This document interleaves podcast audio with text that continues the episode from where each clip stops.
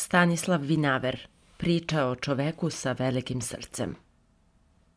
Mojim roditeljima. Možda vam cela ova priča ni zamišlju, ni oblikom, ni sadržinom neće stvoriti čak ni iluziju nečega novog, originalnog i lepog. Pa ipak ja ću vam je ispričati. Zato što je dugo nosim u svome srcu i što nekom tek moram da je ispričam – jer se ne osjećam dovoljno jak da i duže ostanem sam s njome. Čujte. Beše jednom neki čovek koji imađaše veliko srce. Sugrađane njegove jedilo je to. Svi mi, govorahu, imamo obično građansko srce, skrojeno po jednoj meri, i svima nama dovoljno je ono za život – Život je trgovina i za trgovanje nam je ono dobro i predobro. Srce, isto onakvo kakvo su ga imali i očevi naši i očevi naših otaca, sve pošteni i uvaženi građani, dika zemlje, uzdanica otačbine i naroda, ponosi i ukras trgovačkog reda. I dokle se mi zadovoljavamo onim što nam dade Bog, ovaj čovek vređa običaje i zakon naš – jer hoće da bude van sveta. A sve sa svetom i ništa bez sveta.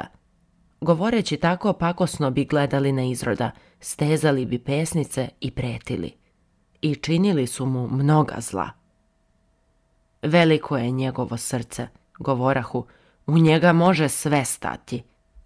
A čovek sa velikim srcem čudio bi se njima, i govoraše sa odlučnim izrazom u očima koje su svetlele. Očevi vaši i očevi otaca vaših malo su imali srce i usko, jer je mali i uzak bio život njihov. Život nije trgovina – ali i dalje mu nisu dopuštali da govori i jedan od onih na koje se sumnjalo da su mu prijatelji, obično bi ga preklinjao da se ukloni i da ne vređa najsvetije osjećanja sveta, jer je strahovita osveta razgnevljenih sinova i užasno razračunavanje uvređenih građana.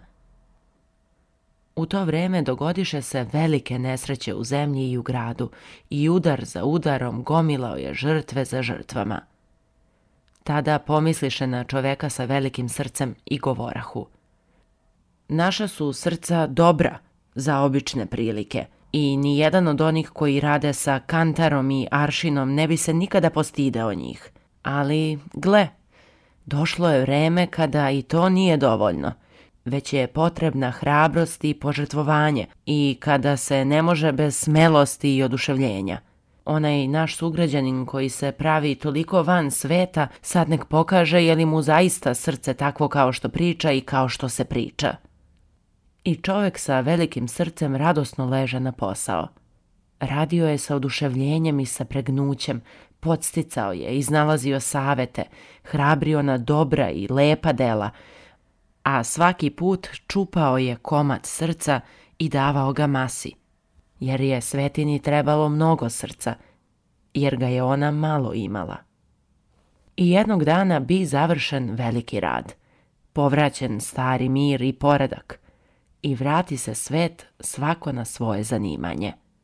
Zanatlije uzeše ponova svoje alate, trgovci obrisaše prašnjave rafove i sedoše opet za svoje tezge.